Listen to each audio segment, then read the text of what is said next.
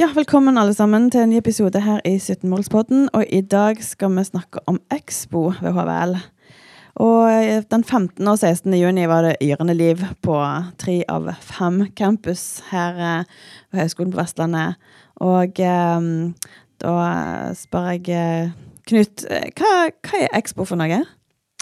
Jo, halloen. Eh, Expo det er rett og slett utstilling av eh, bacheloroppgaver. Eh, det, det er en Expo det er en festdag. Eh, eh, skal vi høre i en eh, samtale etter hvert her eh, nå i denne episoden. her. Eh, en festdag for høyskole, egentlig, der studentene etter månedsvis med hard jobbing med sine bacheloroppgaver eh, For bacheloroppgavene går jo gjennom vårsemesteret. sant? Og så starter vi nyttår, går frem til sommeren. Og, og da er det Når Expo kommer, så har de levert oppgavene, de har fått karakter. Og så er det her de synliggjør for i prinsippet hele verden. da, at, altså hva de har jobbet med, og, og, og, og vise dette frem på en mest mulig spennende måte. Det, det er Expo. Du hører nå på 17-målspodden med Knut Vindenes og Siri Smith, en podkast fra Høgskolen på Vestlandet om FNs 17 bærekraftsmål.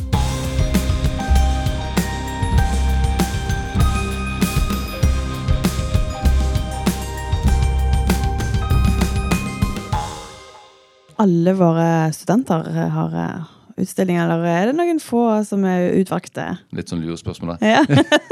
Eh, det er Ingeniørfakultetet som, eh, som står, står for dette her. Og, og, det, og det er nesten litt sånn at hvis, vi, hvis alle fakultetene skulle stilt ut, så hadde det ikke hatt plass fysisk i lokalene. Nei. Eh, så det er også en eh, greie, da. Men hva er det de stiller ut, egentlig?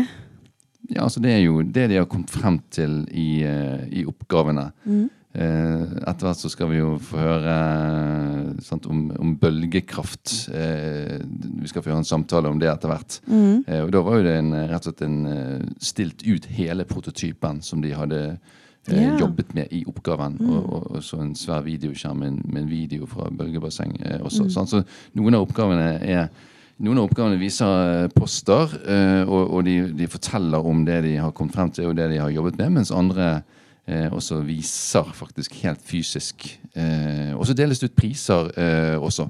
Ja, eh, det skal vi få høre litt om. Nettopp, nettopp. Så spennende. Og da er det mor og far eh, og Eller er det medstudenter, eller hvem er det som kommer på, på denne her festdagen?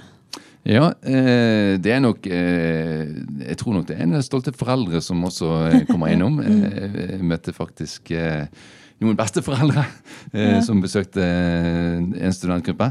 Eh, men men altså for høyskolen er jo det viktig å være en regional aktør, som vi kaller det så fint. Mm. så det betyr jo at næringslivet ønsker vi jo skal komme inn her, og det, og det gjør jo de langt på vei. Både de bedriftene som studentene gjør oppgaver for, og, og de aller fleste studentoppgavene gjøres jo i samarbeid med næringsliv. Det er viktig å få frem Mm, i seg seg sjøl. Så det skjer faktisk mye verdiskaping eh, inn mot, mot næringslivet. Inn, altså, eh, man, studentene gjør oppgaver i forhold til helt reelle Mm. utfordringer eh, som næringslivet og annet arbeidsliv eh, har. Ja. Um, um, og, så, og så ønsker man jo også at hvem som helst skal kunne komme inn på campus Mm. eh, disse dagene. Da. Og, og der ja, der eh, ønsker man vel å få til enda mer av det fremover. Mm. Men det skal vi også få høre mer av. Sant? Så det er jo veldig fint at vi åpner på seg campus for naboer og som bor i nærheten, og for byen og bygda, og de som måtte være interessert. eh, Ja, og så- var det noen det var, det, var, det, var, det var jo i Bergen jeg hadde anledning til å stikke innom eh, eh, på, på Expo. eh, Fikk ikke anledning til Førde og Haugesund, så vi, vi får bare rapporter derfra. Men i, hvert fall i Bergen så var det eh, Det kokte egentlig av liv den dagen eh, i lokalet. Det var kjempegøy. Det var, eh, det var sånn som vi egentlig drømmer om det, at det skal være hver eneste dag. Og det var, det var fullt av faglige? Eh, Det, det, det faglige på en måte kokte over. For du gikk altså hver meter du gikk bortover i lokalet her, så var det en ny oppgave som, eh, som på en måte åpenbarte seg. Eh, og, du, og du kunne snakke med stolte studenter som, eh, som forklarte hva de hadde gjort, og, og, og var enten klare for videre studier, eller de var kjempeklare for å gå ut i arbeidslivet. Så gøy. Men, men um, dette er jo 17-målspodden, så eh, er alt da relatert til bærekraft? Eller hvorfor har vi egentlig en episode om dette? Ja, der kom det spørsmålet også, sant? ja, nei, men altså det er jo, eh, det er jo sånn at uh, en, en veldig økende andel av oppgavene bare de siste få årene eh, nå, handler nå om, eh, om det grønne skiftet. Eh, enten det da er fornybar energi, eller det er på andre måter at, at det handler om bærekraft. da. Eh, I et ingeniørperspektiv i, i dette tilfellet. Så, så det, det er en gøy utvikling å se. da. Ja, og så har vi jo, eh, skal vi også få høre om disse her som vant eh, Bærekraftprisen, blant annet.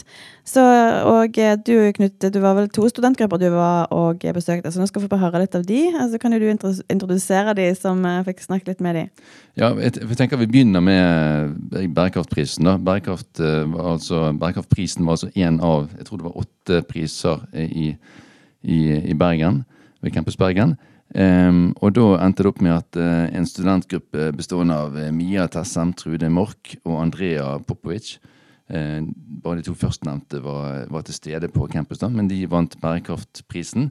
Og det var noe, og da, da var tittelen på oppgaven, og nå må dere nesten holde dere litt fast, nano-cellulosebasert membranteknologi for drikkevannsrensing. Altså det handler rett og slett om hvordan skal man eh, få til drikkevannsrensing på en mer robust og bærekraftig måte, spesielt i u-land. Så det er jo kjempe, eh, kjempepotensial og veldig sånn midt i blinken eh, i bærekraftsperspektivet. da. Så nå skal vi få høre de.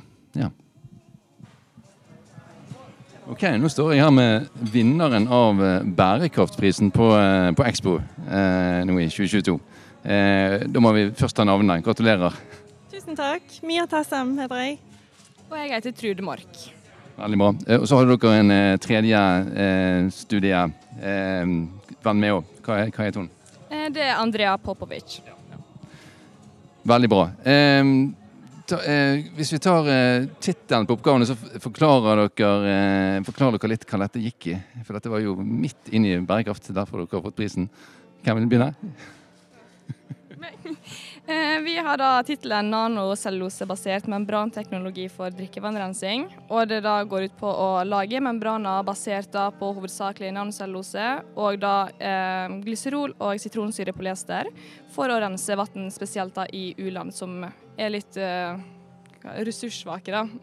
Mm. Nettopp. Og så må dere forklare eh, Vi må få det litt mer som en teskje, sånn som vi gjorde før vi begynte opptaket. Eh, hva, eh, ja, hva på en måte dette handler om, og hvordan, litt hvordan dere har jobbet. Eh, Ja, vi har jobbet egentlig hovedsakelig med metodeutvikling.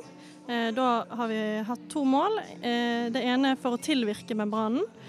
Hvilken kombinasjon av disse kjemikaliene vil skape den mest robuste membranen. Og det andre for å karakterisere membranens renseevne, da. Og hvor godt, få et mål på hvor godt den renser. Nettopp.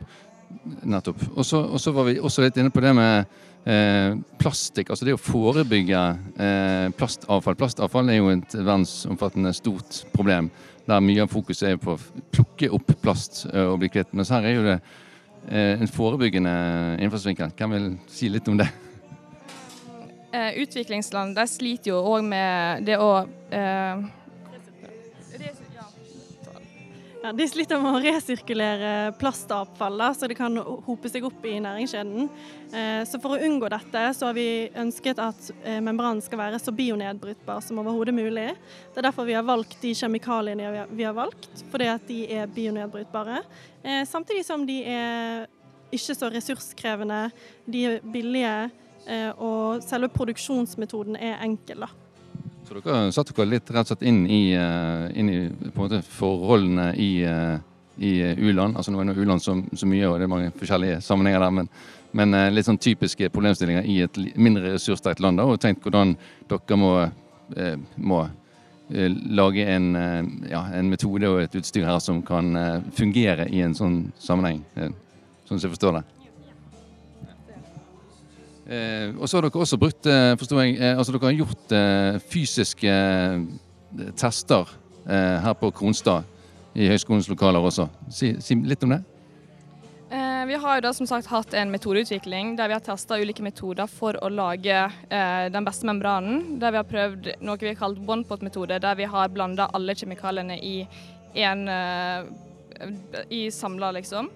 Og så har vi dyppmetoden der man fryser frysetørker ren nanocellulose og så sprayer på et tynt lag med den polyesteren som vi da snakka om. Og så har vi testet membranet, da. Vi har fått laget et membranoppsett fra eh, Kjetil på eh, Institutt for maskin og marin, er ikke det? Jo. Ja, det var veilederne, sant? Nei, det er ikke veilederen. Veilederen var det eh, Jonathan Torsteinsen. Det er han som har utarbeidet oppgaven, da. Ja, nettopp. Mm.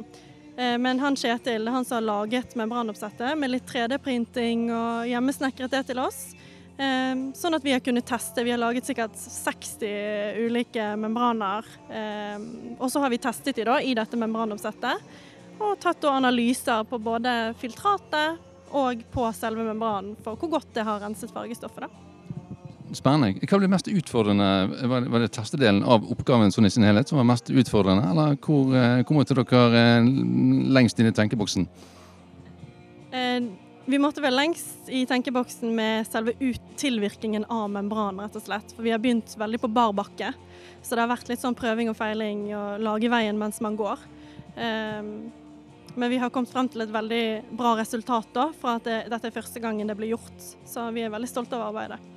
Ja, det, det, forstår jeg veldig godt. Eh, hvor, men hvor bar, eh, bar var bakken? Altså, hvilken type forskning eller kunnskapsgrunnlag som man kaller det, eh, var det i utgangspunktet? Kan dere si noe om det?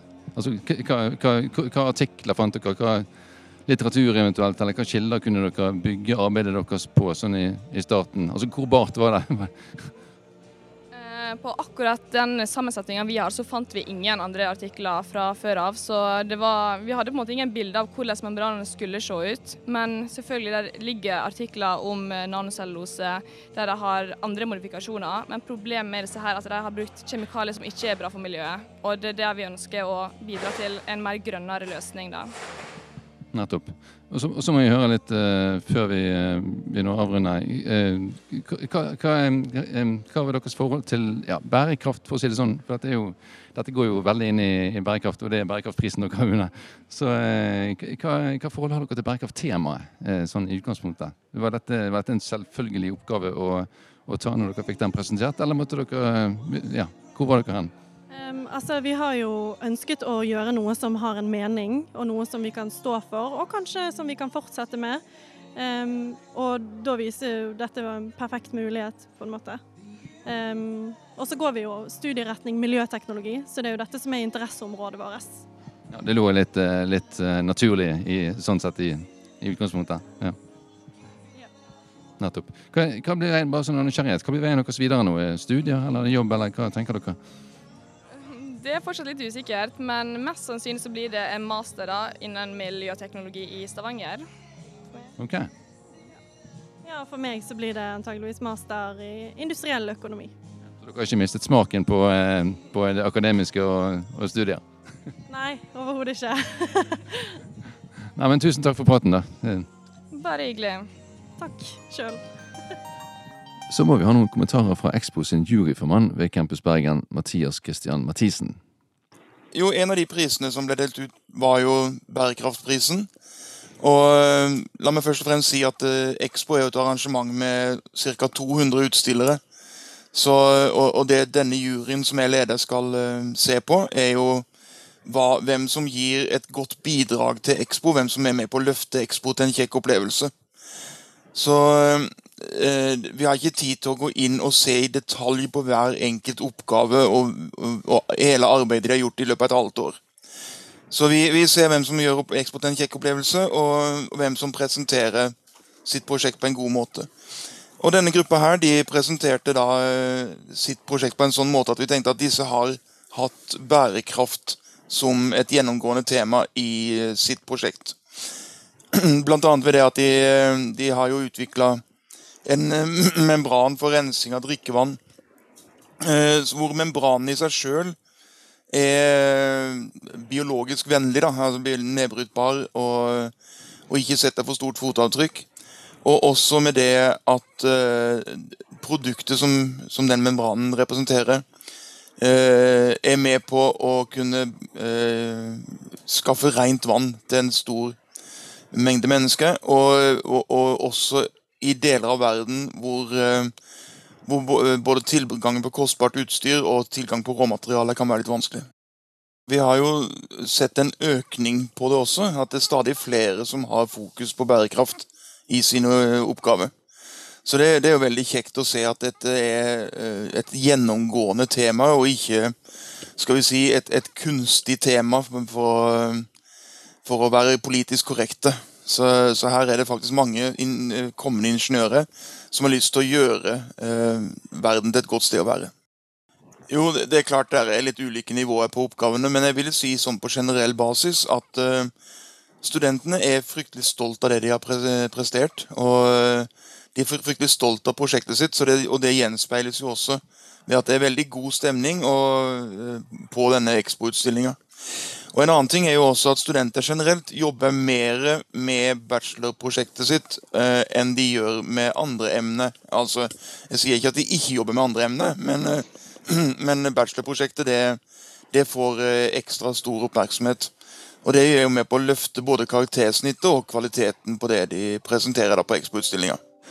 Ehm, hva som er formålet, eh, det er jo eh, todelt. Det ene er jo å vise uh, ingeniørutdanninga fra på, på, en kjekk måte. Og, og, vi har et lite håp om alltid at det skal være tiltrekke seg publikum som ikke nødvendigvis hadde kommet til høyskolen av en annen grunn. så i år så hadde vi f.eks. Eh, rådgivere på videregående skole som var innom og så på Expo. Så det, det, er det ene. Og det andre formålet er jo at studentene skal få lov til å vise hverandre og eh, hva de har gjort. Og det tredje er vel egentlig at de skal lære seg å, å stå Det er noen læring i der også. At de skal stå og presentere eh, et, et, produkt. ikke sant?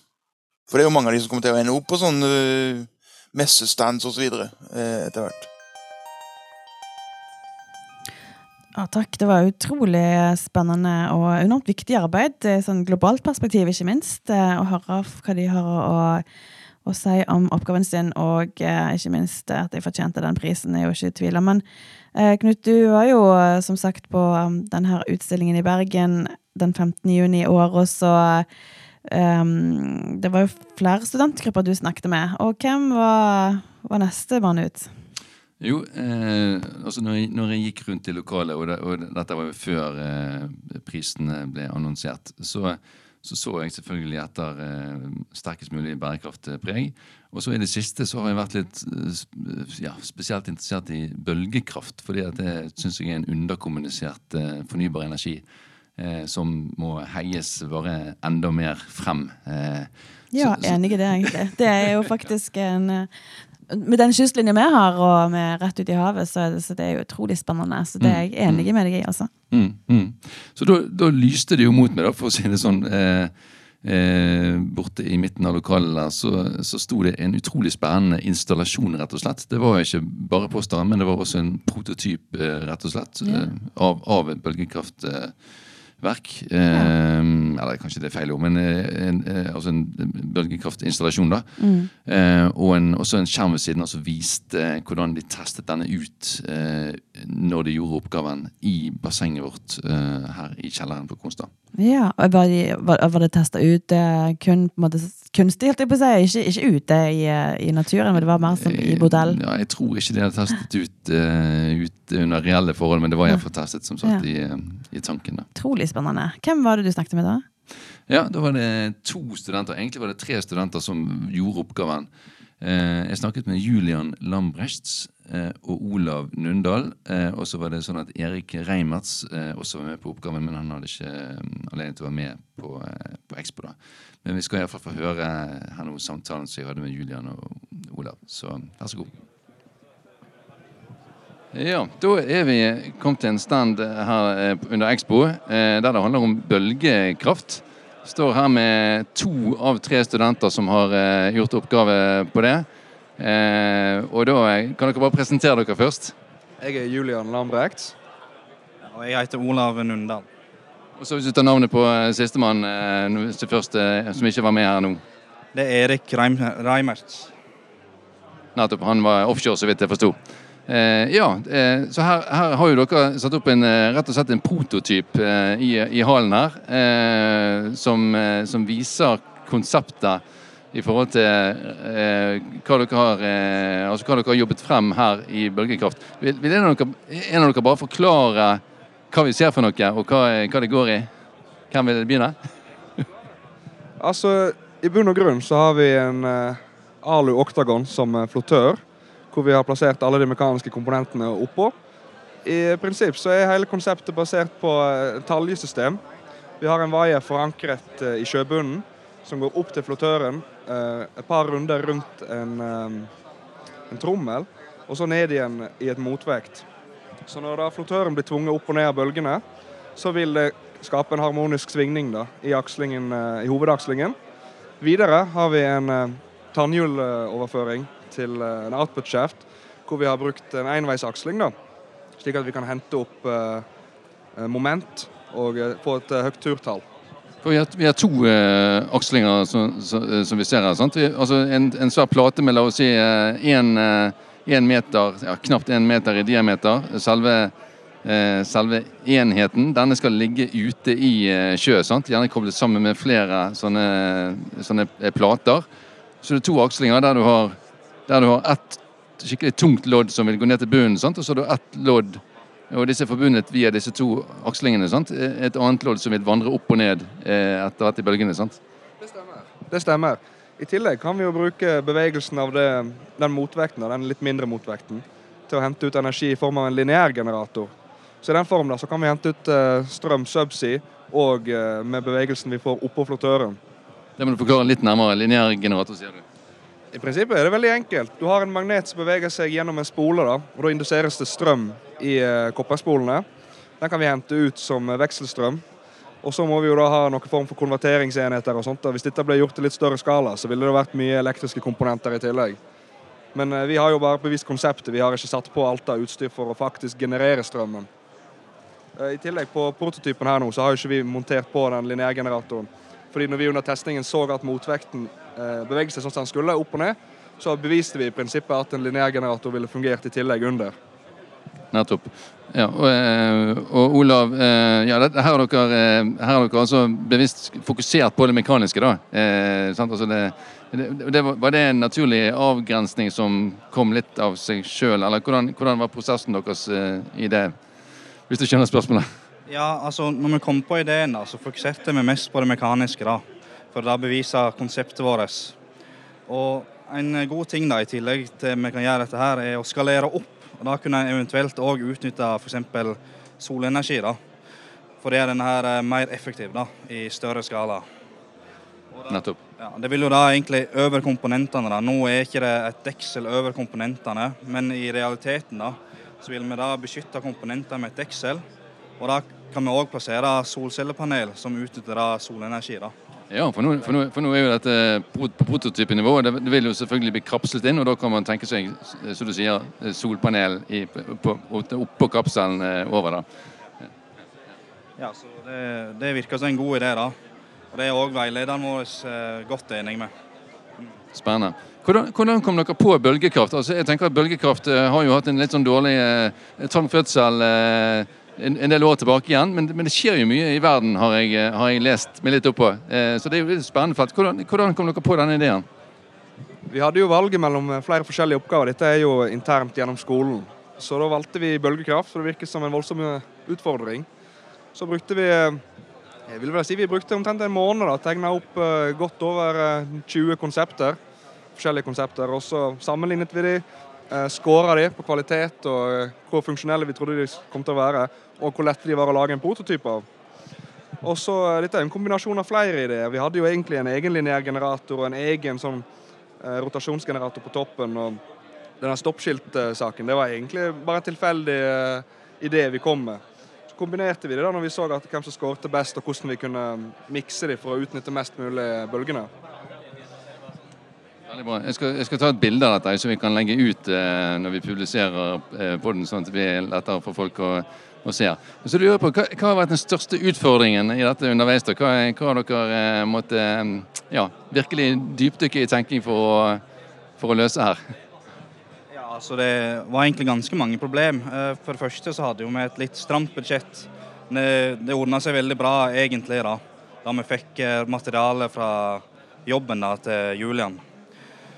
Ja, Så er det vel problemet med å finne gode løsninger. da, for Det er ikke alt som vi tenkte på i begynnelsen som fungerer i det praktiske. da. Så Det er enkelte komponenter og deler vi har endra underveis for at eh, det skulle være for enklere å lage, og for så vidt billigere å lage og kanskje mer effektivt. da.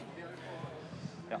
Stilig. Eh, har dere hatt anledning til å teste det ut uh, i, i, noe som ligner på sjø eller vann eller sånn? Ja, altså Vi testet jo han i den der bølgetanken her nede på skolen. Da var han jo oppe i jeg tror det høyeste vi testa var 1,2 meter i bølge. Det er jo ganske stort i forhold til eh, størrelsen på denne flottøren.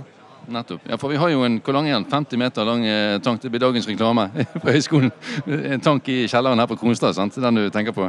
Ja, den er 50 meter lang, og jeg tror den er 2,5 meter brei. Og så rundt et par meter dyp, da. To-tre meter. Så eh, vi testa den først i den. Og uh, i senere tid så Det ville ikke vært så veldig vanskelig å teste den uh, i faktisk hav. da. Det eneste du måtte gjort, er jo bare hatt på en litt større motvekt og sluppet den uti. Så ville han jo rette seg, han ville jo installert på en måte seg sjøl. Motvekten ville jo forankre han, og så ville han uh, plassere seg etter som så. Nettopp. Så det, det er rett og slett litt sånn enkelt og robust design? da, høres det ut som her. Ja, altså Dette er et veldig enkelt design og kan implementeres veldig mange plasser. Så eh, vi er veldig fornøyde med det. Det er vi. Spennende. Hva, hva skjer videre nå, bare sånn kjapt? Er det videre studier, eller er det jobbmuligheter? Ja, For min del så skal jeg eh, gå master da i Trondheim, eh, i planen min. Eh, det skal òg Erik Reimert, så da er den andre personen i gruppa vår. Juland, da andre planer. Få høre. Nei, jeg har jo en kontrakt med Wergeland-konsernet, så jeg skal mest sannsynligvis videre inn i det. da. Enten gjennom Solund verft eller et annet si, datterselskap. Men uh, jeg har jo også uh, meldt meg på uh, masterstudiet. Så får vi, får vi, se litt. Jeg vil bare ha alle muligheter å åpne. da. Se hva som uh, er i vente. Veldig spennende. Kjekt å snakke med dere, og, og lykke til videre. Tusen takk. Tusen takk. OK, det var Bergen. Nå skal vi bevege oss til Førde, der vi også hadde arrangement. Eh, og der snakket vi med vår kollega Joar Sande han er høyskolelektor ved Institutt for datateknologi, elektroteknologi og realfag. Så da skal vi høre hva han har å si. Vi, vi har ikke hatt Expo i den forstand før. Vi har mer vi har hengt opp plakatene så de hengt ut i fellesrommet. Men i år hadde vi 18 forskjellige grupper. Noen av de, var i fest, eller De fleste var i festsalen her hos oss, og de andre sto ute i uh, inngangspartiet. Og Vi delte ut tre priser. En for beste stand, en for beste plakat, og så en for mest innovative produkt. Ja, jeg, jeg har egentlig merka meg eh, i forhold til bærekraft var kanskje tre oppgaver som da skilte seg ut. Det, det ene oppgaven det er varsling av vilt. altså Det er for å hindre eh, påkjørsel av hjort. Og Der hadde vi to grupper. En gruppe fra informasjonsteknologi og en gruppe fra automatiseringsteknikk med robotikk. Og den eh, Gruppa for automatisering var en student fra Førde og en fra Bergen. Så den oppgaven går da ut på å gjenkjenne hjorten, altså med et viltkamera. kamera. jeg tror det er sånn som de gjør det i dag. Det er kanskje mer basert på statistikk hvor ofte det er hjort, eller når det er mest hjort der. Så hvis de får til det systemet her, så vil du vite at det er hjort når du varsler. Og Det er jo litt viktig for bilistene. fordi Hvis det er mye feilvarsling, så vil ikke en kanskje ta hensyn til det, som virker mot sin hensikt. Så vet jeg at ja, ta vare på dyrelivet er jo viktig. Det er vel noen plasser, hvis det er karavane som er ute og går, så er det noen som går fremst og børster vekk alle insekter, tror jeg faktisk. Sant? Ta vare på alt eh, dyreliv. Det var én oppgave. Så var det én annen oppgave som så på dette her med håndtering av overvann. For nå er det vel veldig vanlig at det går i kloakken. Da tar jo opp veldig veldig mye rensekapasitet. Og så vet vi da at eh, ja, i forhold til urbanisering og klimaendring, så blir det mer over. Eh, så det var en oppgave på bygg. Og tredje oppgave jeg vil trekke fram, det var noen som så på en eh, veiparsell, og hvordan en da skal ta vare på landskap og nærmiljø. Så så de òg på dette her med Ja, Det er underskudd på masse, men det kunne de hente fra en tunnel som de jobber med i nærheten.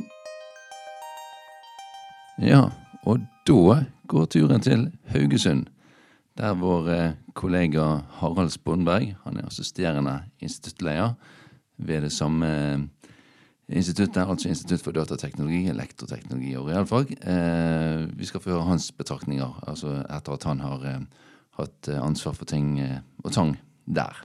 Vær så god. Totalt så var det 15 oppgaver i Haugesund, fordelt på fire ulike studieretninger. Så det var tre fra automasjon, fire fra maskin, fire fra HMS og fire fra brann. Og det vi da så, er at det var jo egentlig ganske mye fokus på bærekraft eh, i de forskjellige oppgavene.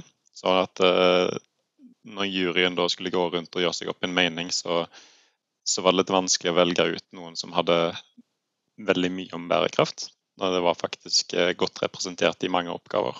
Så Derfor ble ikke det en egen pris, da, sånn som det kanskje kunne vært. Fordi det var godt ivaretatt, som jo er positivt. Altså det var jo ei oppgave som gikk på ombruk av elbilbatterier og mer da fokus på regelverket rundt det. Altså det var en KHMS-oppgave. Og det er jo aktuelt i disse dager med alle elbiler som produseres og leveres, og at at de batteriene har en levetid. Og hva gjør en med de når den levetiden har gått ut. Så det er jo høyaktuelt. Det var samarbeid med en, bedrift. Og de fleste av våre oppgaver er jo eh, i samarbeid med næringslivet. Eh, så var det òg en som gikk på bærekraftig bruksendring av eh, bygg. Altså hvis en skal bygge om et bygg til annen, et annet formål, så må en kanskje revurdere materialbruk og den type ting. Og at det kan gjøres på en bærekraftig måte. Og akkurat den oppgaven der, den vant jo en pris som ble delt ut fra næringslivet. Altså ikke som høyskolen delte ut, men som et eh, privat firma delte ut, og som beste brannrelaterte oppgave. Ja, Vi har tidligere hatt et, eh, en dag som kalles prosess- og sikkerhetsdagen i Haugesund. Og Det har da vært at vi har hatt muntlige presentasjoner i auditorium. Eksterne kommer inn og hører på. Og så har vi hatt en avslutning på kvelden der det da deles ut priser for beste oppgave generelt, og da spesifikt beste brannrelaterte oppgave. Så Den tradisjonen har vi fra tidligere, men det er denne Expo-delen med utdeling av eh, Eller det å stå på stand eh, og slikt som er nytt.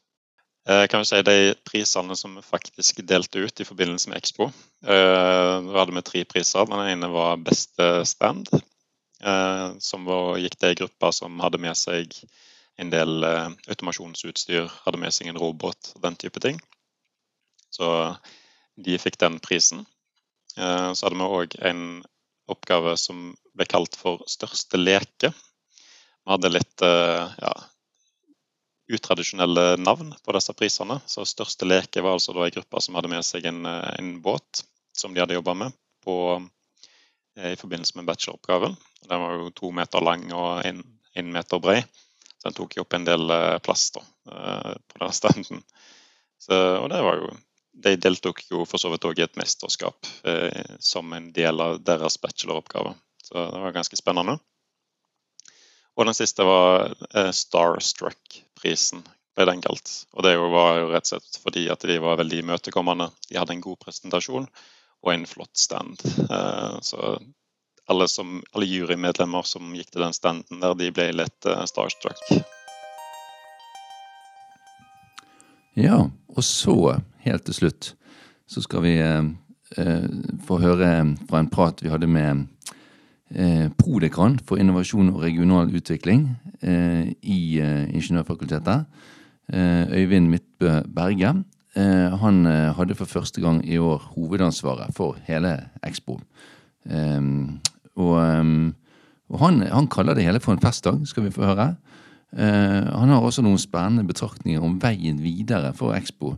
Vi, vi, er, jo interessert i å utvikle arrangementet stadig vekk og å utnytte potensialet som uh, ligger i det.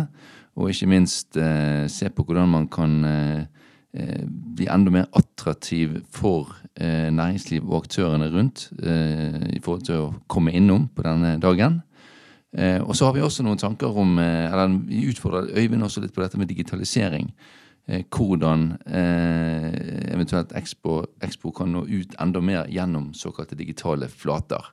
Og der eh, fascinerte svaret meg litt, for det at eh, Øyvind har faktisk en velbegrunnet, velbegrunnet forkjærlighet for det levende campus. Og, eh, og mener at eh, digitalisering skal kanskje komme mest uttrykk på litt andre måter enn selve dagen der. Så, så lytt til han, og, og så ønsker vi god sommer. Ja, Expo er jo uh, først og fremst en, eh, en festdag. Uh, det er jo Jeg vil si, strekke det så langt å si at det er kanskje en av de uh, viktigste dagene i året på ingeniørutdanningen. Eh, Hvordan? Det er jo en utstilling.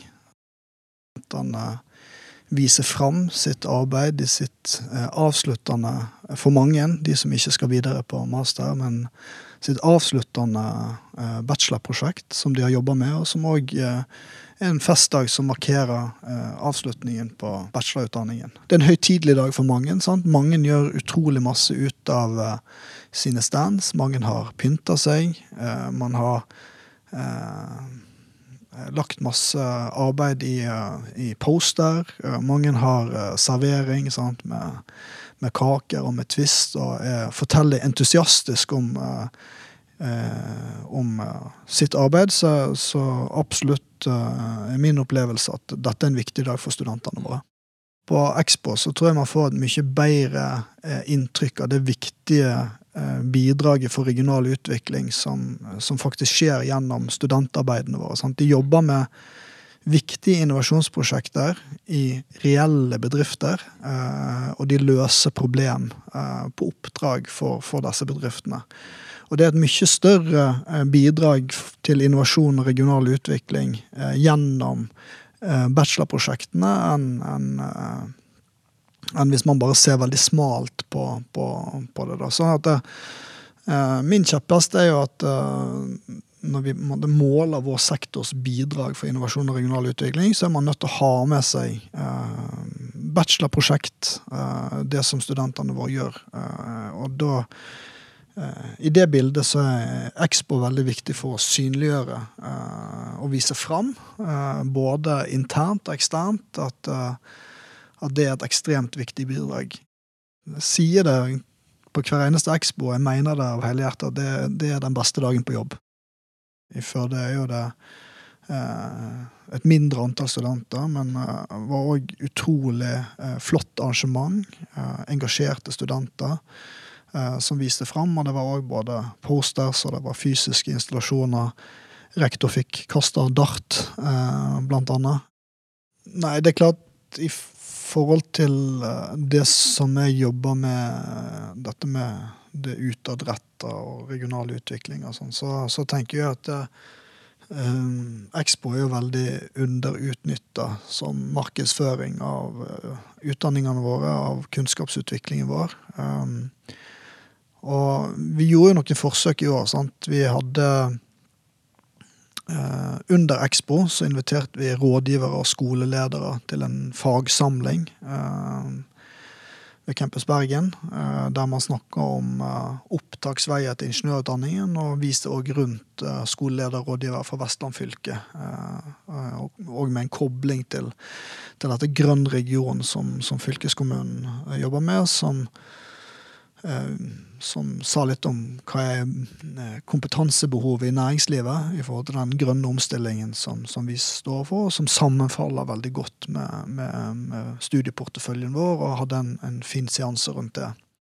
Og det er egentlig litt av poenget mitt, da, at eh, å bruke Expo som utgangspunkt for annen eh, type aktivitet, eh, det tenker jeg er en, en fin ramme. sant? Eh, vi hadde òg årsmøte for en av næringsklyngene, Proptech Innovation. eh, skjedde òg på Kronstad eh, parallelt med Expo. Og, og Helt bevisst. Helt, helt bevisst, sant? Og planlagt. Sant? Man legger den type aktivitet der man òg kan vise fram eh, studentarbeidene. Sant? Um, eh, I Førde hadde vi eh, åpning av ny forskningsinfrastruktur for robotikk eh, og styremøter. Sant? Og der òg styret fikk presentert uh, oppgaver fra studentene våre. Sant? Og det, å, Ja.